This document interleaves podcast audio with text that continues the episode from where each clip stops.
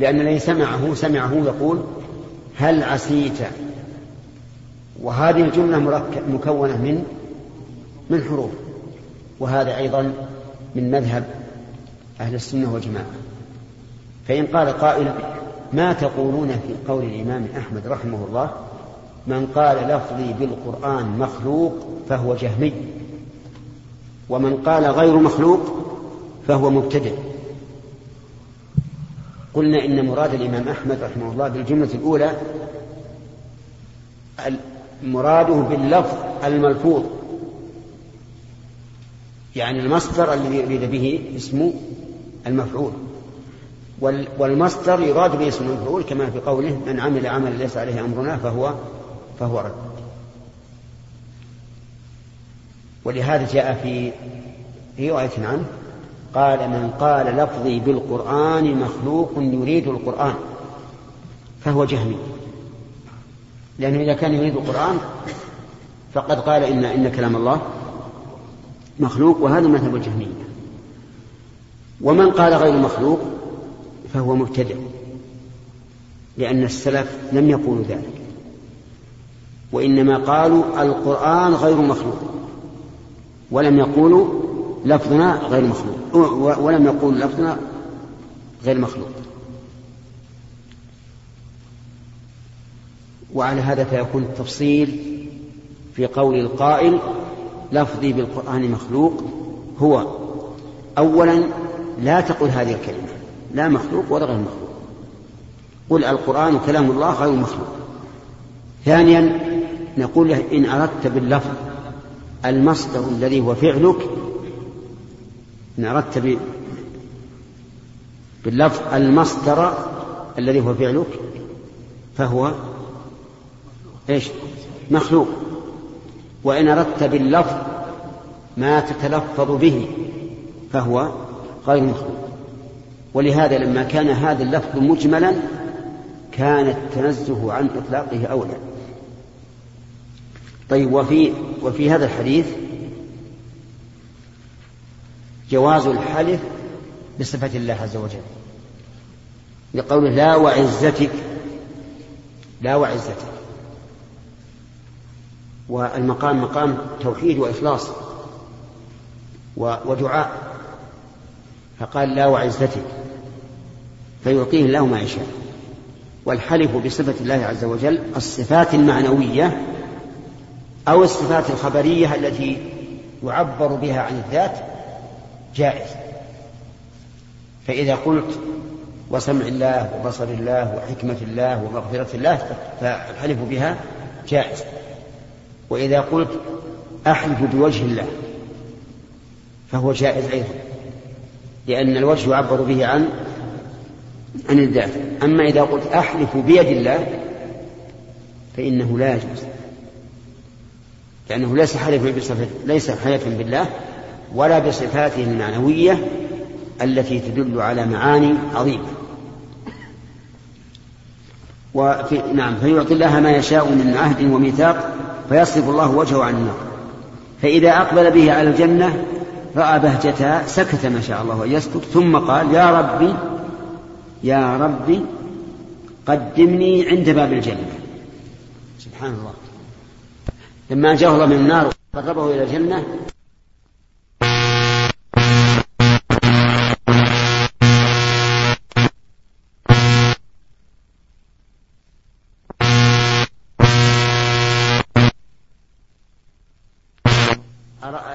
الجنة ونعيمها وسرورها وما فيها من الخير سأل الله أن يقربه إلى باب الجنة.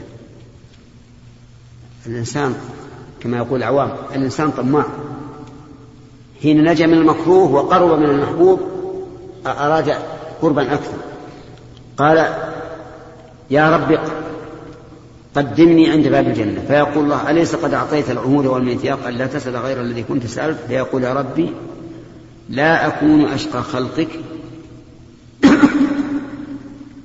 فيه نصرة عندي. لا أكون أشقى خلقك. فيقول الله عز وجل فما عسيت. إن ها؟ كيف؟ والميثاق أن لا تسأل غير الذي كنت. نعم. أن لا تسأل غير الذي كنت. سألت فيقول يا ربي لا أكون أشبه خلقك. فيقول فما عسيت إن أعطيت ذلك. أن لا تسأل غيره فيقول لا وعزتك لا أسأل. في لا أسأل غير ذلك. فيعطي ربه ما شاء من عهد وميثاق فيقدمه إلى باب الجنة. فإذا بلغ بابها ورأى فرأى زهرتها وما فيها من النظرة والسرور فيسكت ما شاء الله يسكت فيقول يا ربي أدخلنا الجنة. نعم. نعم. يتقرب شيئا فشيئا. يا ربي أدخل الجنة فيقول الله ويحك يا ابن آدم ما ما أغدرك. ويحك. هذه كلمة تقال عند التعجب. وليست كويل ويل للوعيد. وأما ويح فهي للتعجب. يعني يتعجب الله عز وجل أنه أعطى العهود والمواثيق أن لا يسأل غيره. وسأل هذه الرابعة والثالثة. الثالثة؟ طيب. فيسكت فيقول يا ربي أدخلنا الجنة فيقول الله ويحك يا ابن آدم ما أغدرك أليس قد أعطيت العهود والميثاق ألا تسأل غير الذي أعطيت؟ فيقول يا رب لا تجعلني أشقى خلقك. فيضحك الله عز وجل منه ثم يأذن له في دخول الجنة.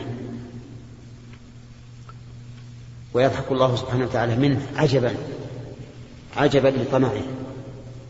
وشدة يعني حرصه. وهذا كضحك النبي عليه الصلاة والسلام على الرجل الذي جاء وهو قد جامع زوجته فأعطاه النبي صلى الله عليه وسلم طعاما يطعمه. قال والذي بعثك بالحق لا أعلم أهل بيت أفقر منه أو ما بين ما بين لابتيها أهل بيت أفقر منه.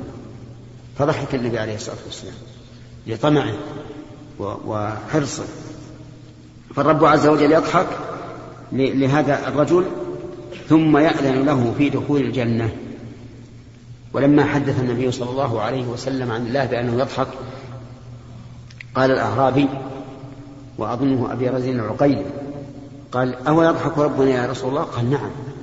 قال لن نعدم من رب يضحك خيرا. لأن الضحك يدل على الفرح وأما التقطيب والتعبيس فيدل على ضد ذلك. نعم. ثم يأذنه في دخول الجنة فيقول تمن. الآن لما دخل لما دخل الجنة صار من أهلها الذين لهم فيها ما تشتهيه الأنفس وتلذ الأعين. ولهذا لم يعاهد الله عز وجل ألا يسأل غير الدخول. لأنه لما دخل صار من أهلها وإذا صار من أهلها حصل له كل ما يتمنى. فيها ما لهم ما يشاءون فيها ولدينا مزيد. ولهذا قال له هنا تمنى. ولم يقل لا تسأل غيره. فقال تمنى. فيتمنى حتى إذا انقطع أمنيته قال الله عز وجل من كذا وكذا. إيش؟ زد. لا أنا عندي نسخة. طيب. أنا عندي نسخة تمنى كذا وكذا. وهذه أقرب الصواب. تمنى كذا وكذا. أقبل يذكره ربه حتى إذا انتهت به الأماني. قال الله تعالى ذلك ومثله معه. لك ذلك ومثله معه. وفي رواية أبي سعيد لك ذلك وعشرة أمثاله. الحمد لله. يعني هذا الرجل تمنى كل شيء حتى انقطعت نيته. وصار لا يتصور شيء يتمناه. فزاده الله تعالى قال تمنى كذا وكذا وكذا. يعرض عليه عز وجل الكرم والفضل. ثم يقول لك مثله وعشرة أمثال. وهذا هو آخر أهل الجنة دخولا فما بالك بالسابقين؟ اللهم اجعلنا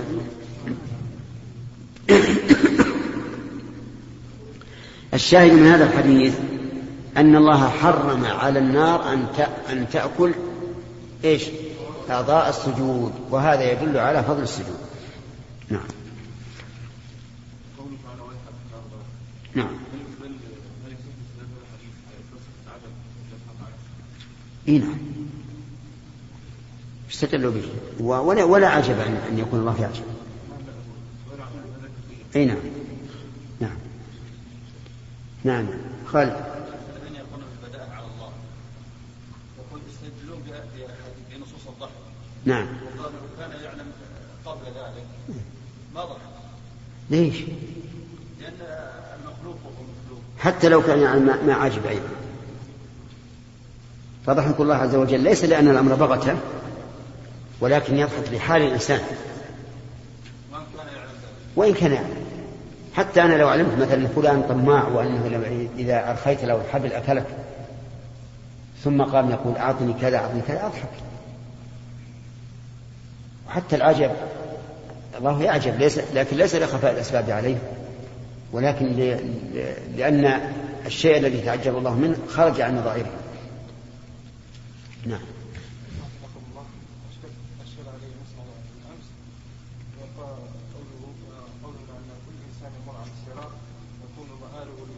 نعم. والجمع بين الآية وإن منكم إلا واردها كان على نعم. أن نقول يا شيخ أن لأن ابن عباس قال في الورود هنا الدخول. هي خلاف. بعض العلماء يقول واردها أي داخلها ولكن الذين يدخلونها لا تكون عليهم نارا بل تكون عليهم بردا وسلاما كما كانت على إبراهيم.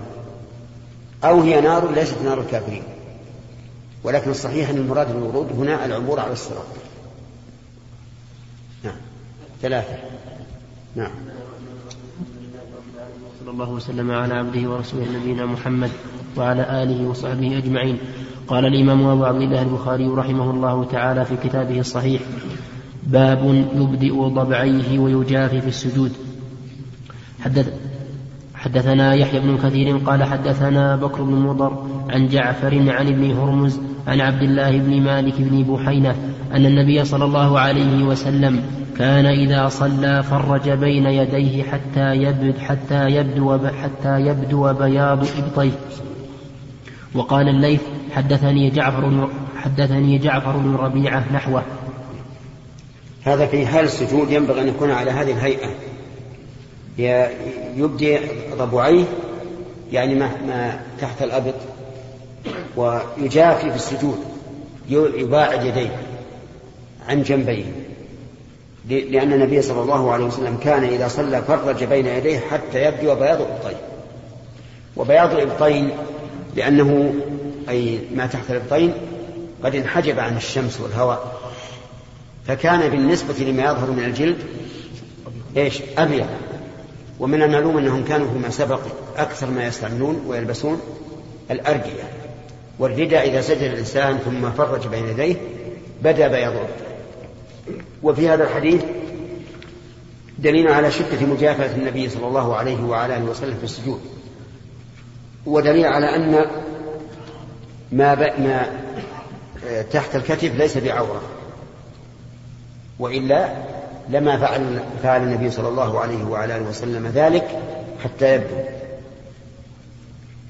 وفي أيضا دليل على أن الإنسان ينبغي له أن يرتفع في السجود حتى يبدو البياض. لأنه يعني إذا ارتفع وفرج بدأ البياض. وعندي أنا عبد الله بن مالك بن بحينة بالتنوين. عندكم كذلك؟ لماذا نؤمن؟ لأن بحينة ليست أم مالك. بل هي أم عبد الله. ولهذا جاءت الهمزة يعني كتبت الهمزة بين مالك وبين ابنه ولو كان بحينة جده مثلا لم تكتب. ولهذا قالوا إنه يفرق بينما إذا كانت ابنة ثانية مضافة إلى الجد أو إلى الأم. يفرق بينهما بماذا؟ اولا بالتنوين. وقال عبد الله بن مالك ابن بحيرة. وثانيا بإثبات الألف ألف ابن وإن كان في أثناء السطر. وثالثا بأن ابن الثانية تكون تبعا للاسم الأول إذا كان منسوبا إلى أمه. ولو كان منسوبا إلى منسوبا إلى أبيه ثم إلى جده لكانت ابن الثانية تابعة للاسم الثاني لا للاسم الأول. فمثلا لو لو كان قال عبد الله ابن مالك ابن بحينة. كذا يقال؟ طيب. ولو قيل عبد الله ابن مالك ابن بحينة خطأ. لأن ابن إذا كان مضافا إلى الأم صار تابعا للاسم الأول إن كان مرفوعا فمرفوعا وإن كان منصوبا فمنصوبا وإن كان مجرورا فمجرورا وأما إذا كان مضافا إلى الجد فإنه يكون بالجر لأن لأن الاسم الثاني مجرور بالإضافة. فهذه ثلاثة فروق بين ما أضيف به ابن إلى الجد وما أضيف به إلى الأم. نعم. إيش؟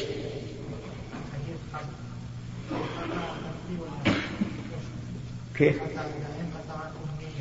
نعم. فيها الظاهر فيها نسخة انقطعت النية. وإذا لم تكن هي مؤنثة فأنت تعرف أن الأمنية تأنيثها مجازا وابن مالك يقول والتاء مع جمع. نعم وإنما تلزم فعل مضمر متصل أو مفهم ذات خلي نعم.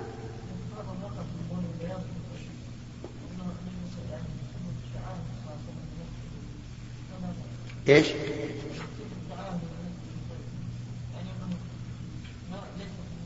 إي صحيح.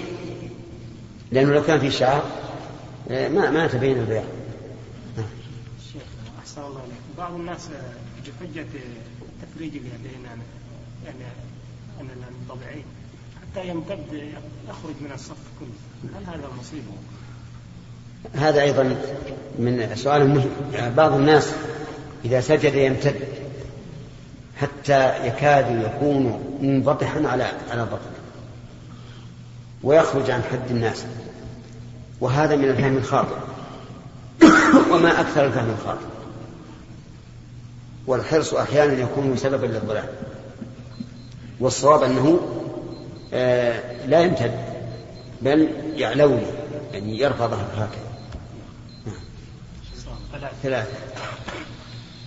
باب يستقبل بأطراف رجليه القبلة. قاله أبو حميد الساعدي عن النبي صلى الله عليه وسلم.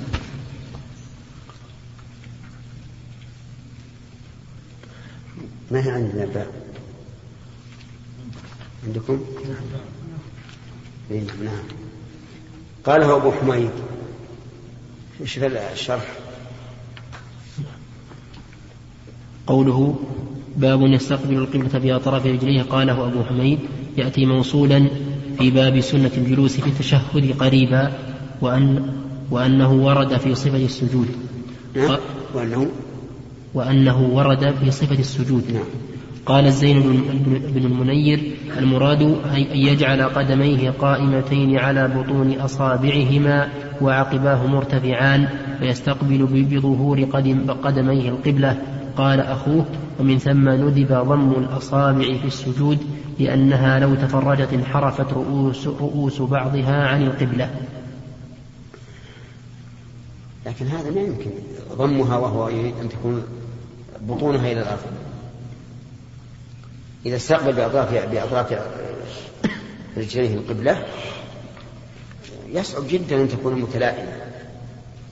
ثم أن الإنسان ليس حرا حرية مطلقة في تحريك أصابع الرجل وتفريقها نعم؟ ما هو حر. ليس كأصابع اليد ولهذا لا نجد أحدا يستطيع أن يحرك أذنه. نعم؟ أو أنفه. وكذلك أصابع الرجل صعب أن تفرق بينها إلا إذا ضغطت عليها تنفرج هي بنفسها. فالصواب أن هذا ليس من السنة. السنة أن أن تجعل أن تحاول أن تكون أصابع أصابع رجلين إلى القبلة. نعم. باب إذا لم يتم السجود. حدثنا الصلت بن محمد قال حدثنا مهدي عن واصل عن أبي وائل عن حذيفة رأى عن حذيفة رأى رجلا لا يتم ركوعه ولا سجوده فلما قضى صلاته قال له حذيفة ما صليت؟ قال وأحسبه. قال ولو, ولو مت مت على غير سنة محمد صلى الله عليه وسلم.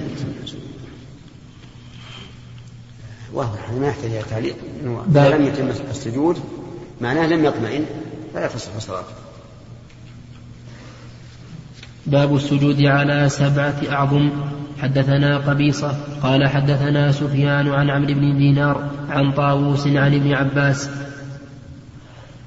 عن ابن عباس أمر النبي صلى الله عليه وسلم أن يسجد على سبعة أعضاء ولا يكف شعرا ولا ثوبا الجبهة واليدين والركبتين والرجلين. قال أمر النبي صلى الله عليه وسلم والآمر هو الله. الآمر هو الله عز وجل لأنه لا أحد يوجه الأمر إلى رسول الله صلى الله عليه وعلى آله وسلم إلا الله عز وجل. لكن لو قال الصحابي أمرنا فمن الآمر؟ الرسول صلى الله عليه وسلم. أن أسجد على سبعة أعظم. على أعضاء وفي لفظ أعظم ولا يكف شعرا ولا ثوبا. لا يكف شعرا ما معنى هذا؟ معنى هذا أن الناس فيما سبق يتخذون شعر الشعر شعر الرأس. فإذا سجد الإنسان انسدل شعره. وكذلك الثوب. يسجد مع الإنسان. فنهى النبي صلى الله عليه وسلم أن يكف الثوب حين السجود أو أن يكف الشعر. ووجه ذلك والله أعلم أنه من أجل أن ينال فضل السجود على وجه كامل بحيث يكون شعره الذي في حكم المنفصل ساجدا وثوبه المنفصل أيضا ساجد ولهذا أمر أن لا يكف واختلف العلماء فيما لو كان قد كف ثوبه قبل الدخول في الصلاة. هل يكون مخالفا للأمر؟ الصحيح لا.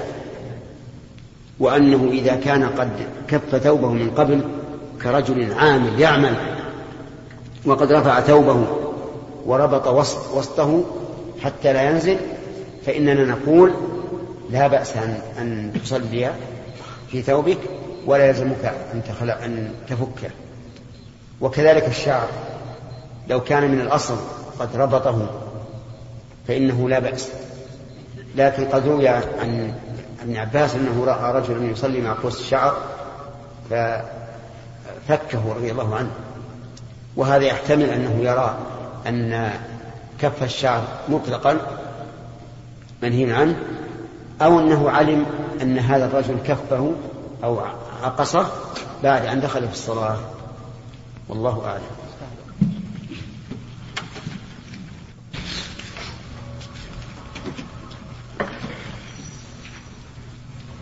بسم الله الرحمن الرحيم. الحمد لله رب العالمين وصلى الله وسلم على نبينا محمد وعلى آله وصحبه أجمعين. قال الإمام أبو عبد الله البخاري رحمه الله تعالى في كتابه الصحيح في باب السجود على سبعة أعظم. حدثنا مسلم بن إبراهيم قال حدثنا شعبة عن عمرو عن طاووس عن ابن عباس رضي الله عنهما عن النبي صلى الله عليه وسلم أنه قال أمرنا أن نسجد على سبعة أعظم ولا نكف ثوبا ولا شعرا. حدثنا آدم قال حدثنا إسرائيل عن أبي إسحاق عن عبد الله بن يزيد عن عن عن أبي إسحاق. كسرتها منونة سم.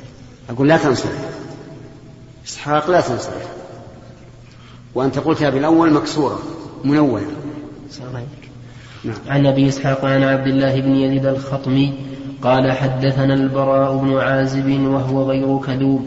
قال كنا نصلي خلف النبي صلى الله عليه وسلم فإذا قال سمع الله لمن حمده لم يحن أحد منا ظهره حتى يضع النبي صلى الله عليه وسلم جبهته على الأرض.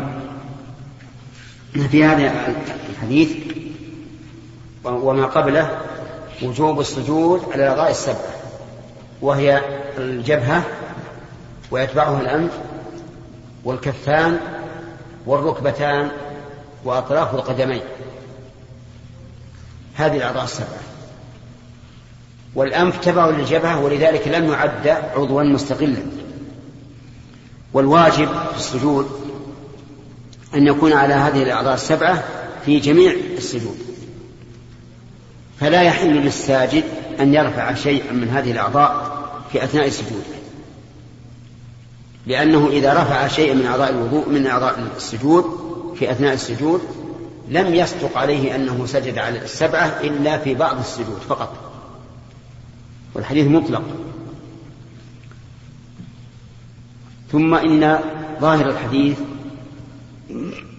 أنه إذا عجز عن شيء منها لزمه أن يأتي بما قدر عليه وهو شامل للجبهة وغيرها. وفي هذا دليل على ضعف قول من يقول إنه إذا عجز بالجبهة لم يلزمه بغيرها. فإن هذا مخالف لقوله تعالى فاتقوا الله ما استطعتم. وبناء على ذلك لو كان في الإنسان جروح في جبهته ولا يستطيع أن يسجد عليها. نقول له لا تسجد عليها.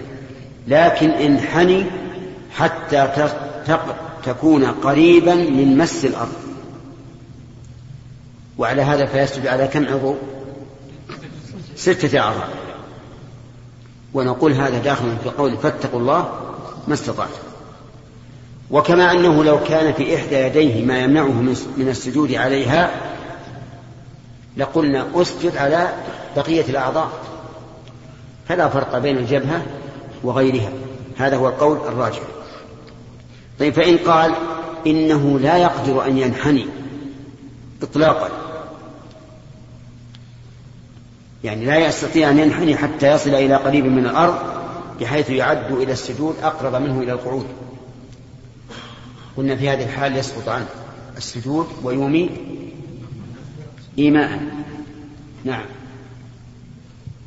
وأما قوله وأن لا نكف شعرا ولا ثوبا ولا ولا شعرا فالمراد أنه عند السجود لا يكف الثوب كما اعتاد كما يعتاده بعض الناس.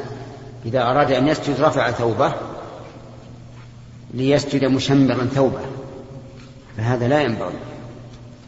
بل نهى عنه الرسول صلى الله عليه وعلى آله وسلم. كذلك في الشعر إذا كان الإنسان له شعر ينزل إلى الأرض فإن بعض الناس إذا أراد أن يسجد كف شعره على الوراء مثلا وهذا أيضا لا ينبغي. بل السنة أن يبقى الشعر والثوب على حاله وطبيعته.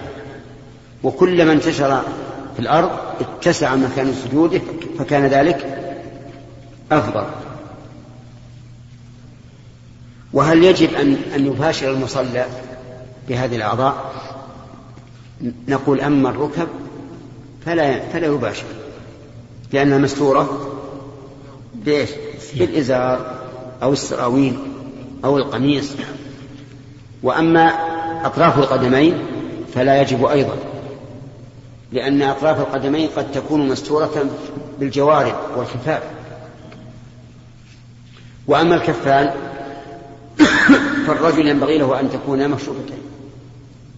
مكشوفتين. والمرأة لا بد أن تكون مستورتين إذا قلنا إن كفي المرأة عورة في الصلاة. وأما الوجه فلا بد أن يباشر المصلى. لا بد أن يباشر المصلى لكن إن دعت الحاجة إلى أن يضع شيئا يسجد عليه لحرارة الأرض أو شدة برودتها أو كونها ذات شوك أو ما أشبه ذلك فلا بأس أن يضع بعض ثوبه على الأرض ليسجد عليه. لقول أنس بن مالك كنا نصلي مع النبي صلى الله عليه وعلى آله وسلم في شدة الحر. فإذا لم يستطع أحدنا أن يمكن جبهته من الأرض بسط ثوبه وسجد عليه. طيب فإن سجد على العمامة المطوية على رأسه فهل يجزئه ذلك أو لا؟ نقول إن كانت العمامة من فوق الجبهة بمعنى أنها على طرف الرأس. لكنها كثيرة الطيات فترفع جبهته عن الأرض. فهنا لا يصح السجود لأنه لم يسجد على الجبهة.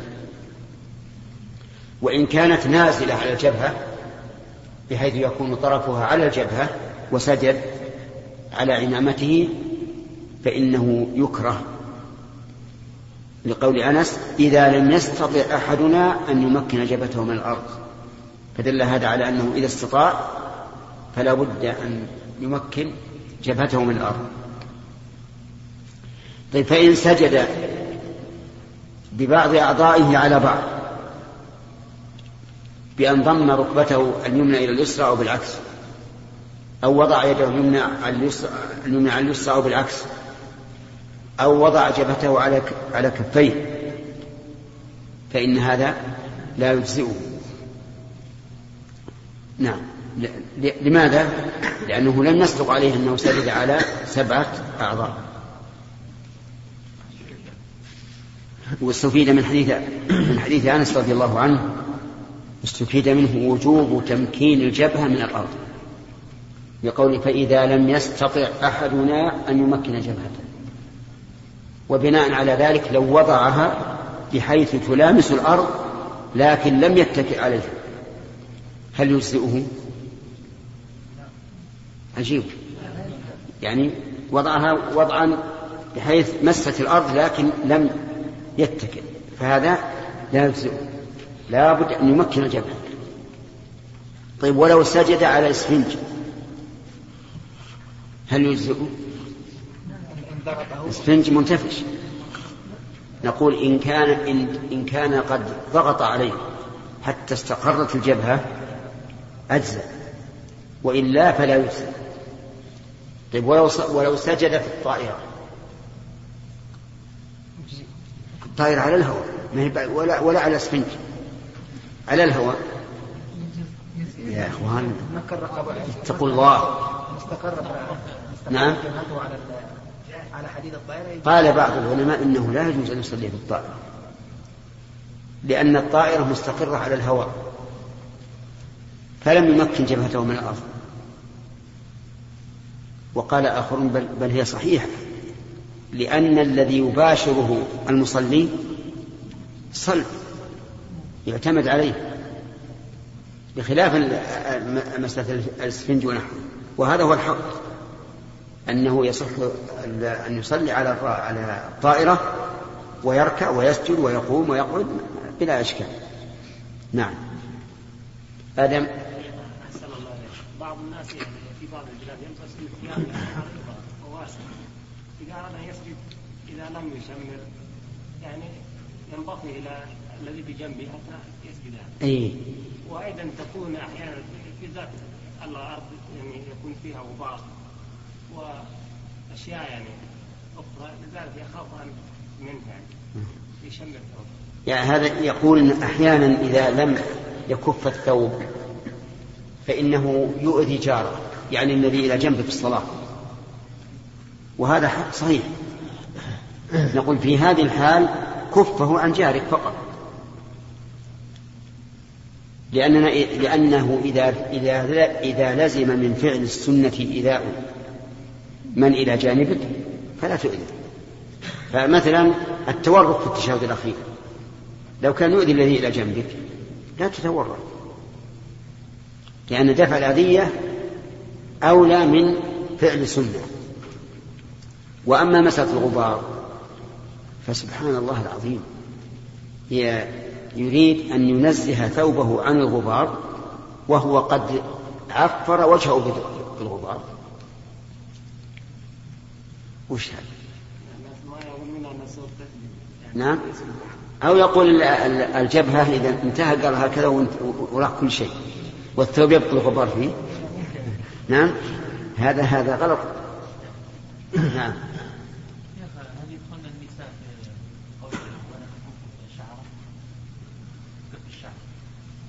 المرأة لا بد أن تكف شعرها. إذا قلنا إن إن المتصل بالرأس كالرأس فالمرأة كما تعلمون يجب عليها في الصلاة أن تستر رأسها. وبناء على ذلك لا بد أن يدخل الشعر تحت تحت الخمار. ويلزم من هذا أن أن تكفه من أجل أن تأتي بشرط, السجود. نعم.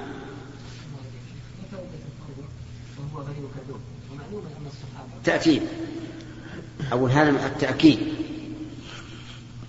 وفي حديث البراء رضي الله عنه قال حتى يضع النبي صلى الله عليه وسلم جبهته على الأرض. دليل على أن آخر أعضاء السجود عند السجود هو إيش؟ هو الجبهة.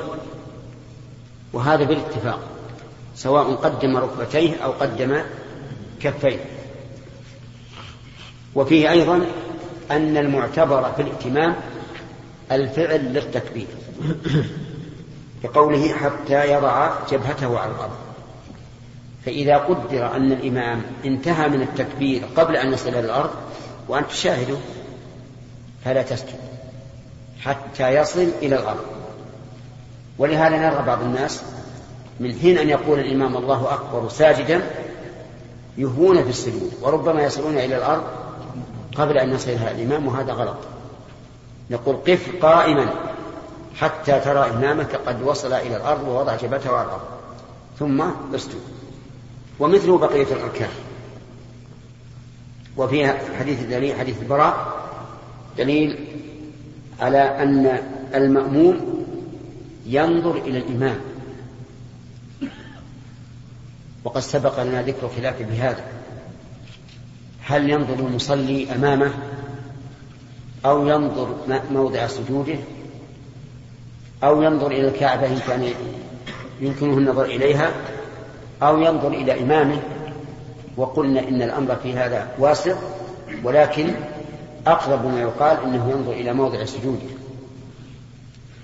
لأنه ورد تفسير قوله تعالى الذين هم في صلاة خاشعون هم الذين يلزمون أبصارهم مواضع سجودهم و ولكن إذا احتاج الإنسان إلى نظر إلى الإمام فلينظر إليه. ومتى يحتاج؟ إذا كان أصم لا يسمع التكبير فهنا ينظر إلى إلى إمامه حتى يعرف أنه وصل إلى انتقل من الركن الأول إلى الثاني.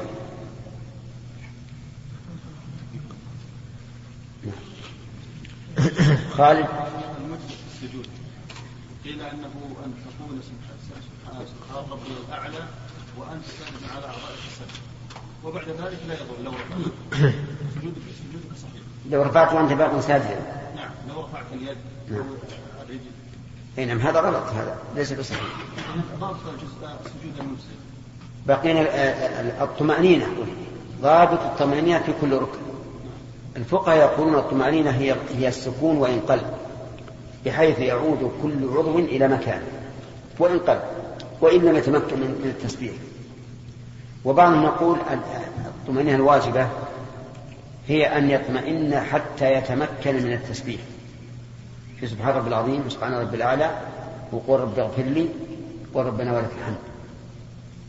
والفرق بين القولين مع أن هذه الأذكار واجبة أنه لو لو أنه انتقل من الركن إلى الذي يليه قبل أن يقول هذا صار من باب ترك إيش؟ الواجب. وإذا قلنا إنه يشترط أن يبقى مطمئنا حتى يقول هذا صار من باب ترك الركن.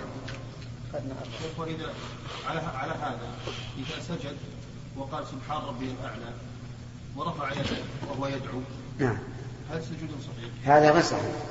لكن إن رفعها حتى قام فلا إشكال عندي فيه. كيف؟ إن رفعها حتى قام من السجود وهو رافع لها فلا إشكال عندنا في أن سجوده لم يصح. ولكن أحيانا يرفعها لعذر. إما لهجوم حش- حشرة عليه وإما لحكة أصابته وإما لأي أي شيء أنهم لحاجة لكنه يردها بسرعة فهل نقول إن هذا لم لم يصح سجوده لأنه رفع بعض الأعضاء في أثناء السجود؟ أو نقول إن هذا أمر سهل يعني يسير وجيز فلا ينبغي أن نبطل سجوده بمثل هذا. هذا عندي محل محل تردد. لكن احتياطا أن أن تلغى السجدة وأن يأتي بعدها بسجدة تامة. إيه لكن ما دام ما دام ساجدا فلا بد أن يكون السجود على أعضاء السجدة.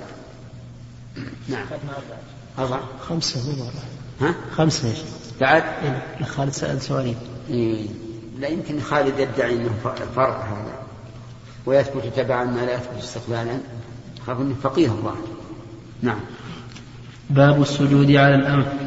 حدثنا معل بن أسد قال حدثنا وهيب عن عبد الله بن طاووس عن أبيه عن ابن عباس رضي الله عنهما أنه قال قال النبي صلى الله عليه وسلم أمرت أن أسجد على سبعة أعظم على الجبهة وأشار بيده على أنفه واليدين والركبتين, وأطراف القدمين ولا نكفت الثياب والشعر.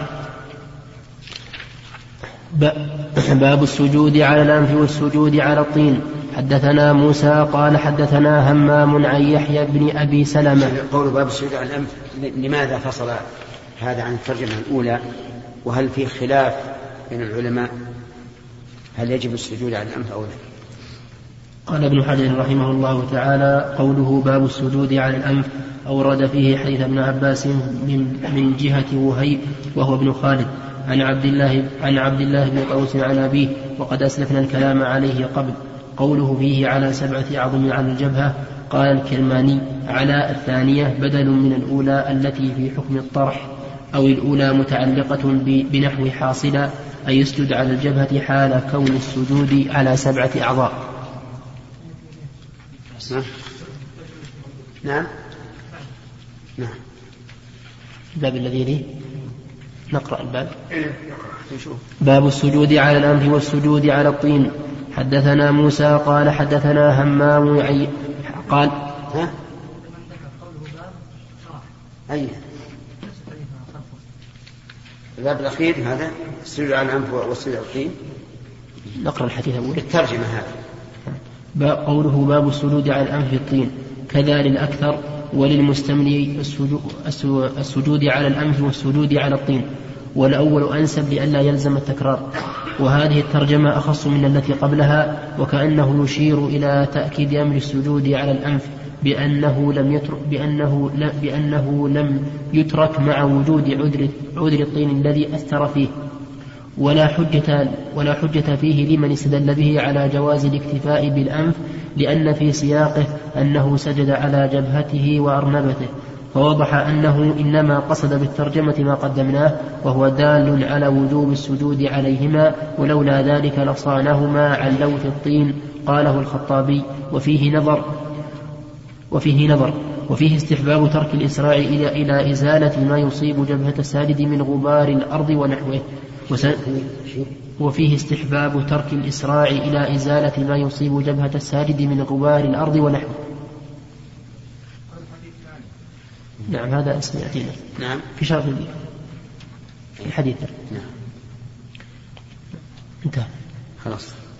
حدثنا موسى قال حدثنا همام عن يحيى عن أبي سلمة قال انطلقت إلى انطلقت إلى أبي سعيد الخدري فقلت ألا تخرج بنا إلى النخل يتحدث؟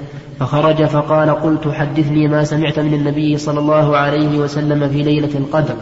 قال اعتكف رسول الله صلى الله عليه وسلم عشر الأول من رمضان واعتكفنا معه فأتاه جبريل فقال إن, إن الذي تطلب أمامك فاعتكف العشر الأوسط فاعتكفنا معه فأتاه جبريل فقال إن الذي تطلب أمامك قام النبي صلى الله عليه وسلم خطيبا صبيحة عشرين عشرين من رمضان فقال من كان اعتكف مع النبي صلى الله عليه وسلم فليرجع فإني أريت ليلة القدر وإني نسيتها وإنها في العشر الأواخر في وتر وإني رأيت كأني أسجد في طين وماء وكان سقف المسجد جريد النخل وما نرى في السماء شيئا فجاءت قزعة فأمطرنا فصلى بنا النبي صلى الله عليه وسلم حتى رأيت أثر الطين والماء على جبهة رسول الله صلى الله عليه وسلم وأرنبته تصديق رؤياه.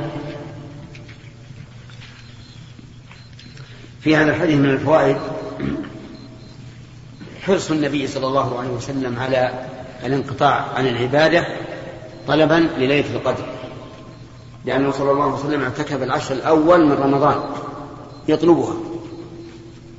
ثم أتاه جبريل فقال إن الذي تطلب أمامك يعني في العشر الأوسط أو في العشر الأخير. المهم أنك لم تدركه. فاعتكف العشر الأوسط فاعتكفنا معه. فأتاه جبريل فقال إن الذي تطلب أمامك. وش بقي عندنا؟ العشر الأخير. فاعتكف النبي صلى الله عليه وسلم العشر الأواخر ولكنه قام خطيبا صبيحة عشرين من رمضان فقال من كان اعتكف مع النبي صلى الله عليه وسلم